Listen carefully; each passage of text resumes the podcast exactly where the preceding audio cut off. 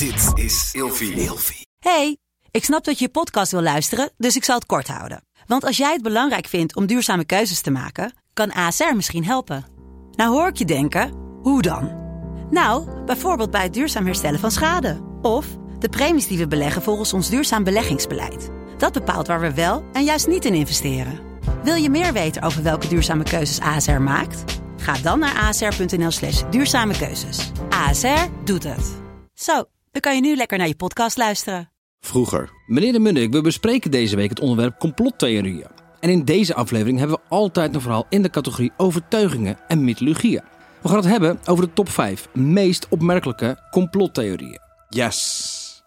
Ja, heb ik even op zitten wachten, want er zitten een paar hele bizarre tussen, joh, wat ik heb gevonden.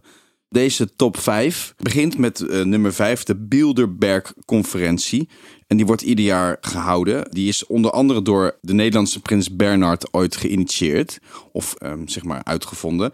En bij de Bilderberg-conferentie komen er regeringsleiders en groot-industriële bankiers, noem maar op. Eigenlijk alle grote mensen ter wereld komen bij elkaar om afspraken te maken over ja, het kapitalisme, de democratie, het liberalisme, het vrije Westen. Heb je hem weer? Maar dit is dus een idee. Dit is niet bevestigd. Deze mensen komen ieder jaar bij elkaar. Het, dit is, is het, is, zo? het is ook gewoon echt waar. Ja. Maar wat is dan de theorie, de Nou, complottheorie? de complottheorie erachter is dus dat ze eigenlijk daar ja, de spelregels bepalen over hoe ze ons onderdrukken. maar Prins Bernhard een beetje kennen, is het gewoon een avondje poolbiljart met z'n allen. Er zal heus vertier zijn geweest. Maar het feit blijft dat er ook mensen serieus worden buitengesloten. Er was ooit een Nederlandse minister-president, die werd buitengesloten. Die is tot drie keer toe heeft geprobeerd erin te sneaken. Maar die is gewoon keurig eruit getrapt. Maar niemand weet zeker wat zoeken. daar bespreken. Niemand, dat is super, super, super geheim. Nummer 4. Ja, we gaan door. Eh, nummer vier, het bekende Roswell-incident. Nooit van gehoord. 1947. Er zijn, jawel, vliegende schotels gecrashed in Roswell in Amerika.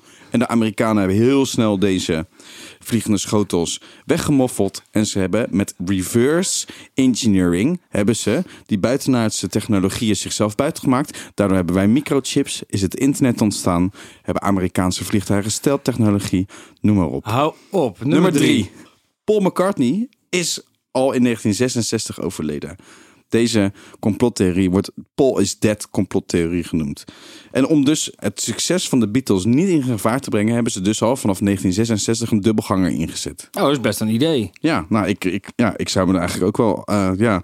Eigenlijk de- alleen de echte diehard aanhangers die spuren dus nog steeds naar, naar in songteksten van de Beatles op zoek naar aanwijzingen over het feit dat hij dood is. Nummer 2. De maanlanding is niet waar. Is in een studio gebeurd, is in scène gezet.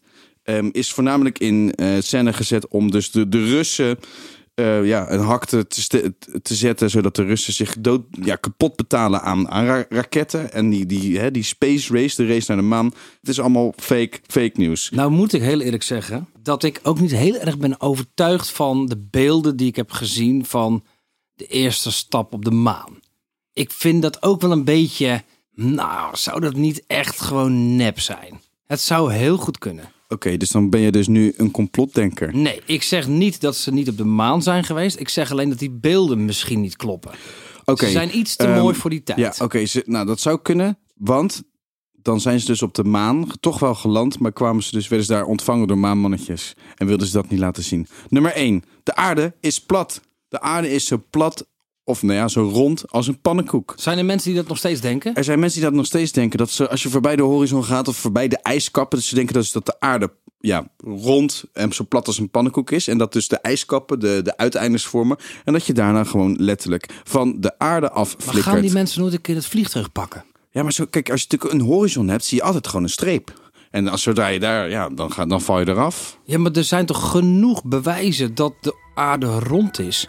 Pak een boot, pak een vliegtuig. Ik bedoel, hè? Ja, ja het is- ik kan me ook, ook echt niet voorstellen dat je zo denkt. Tot morgen. Vroeger.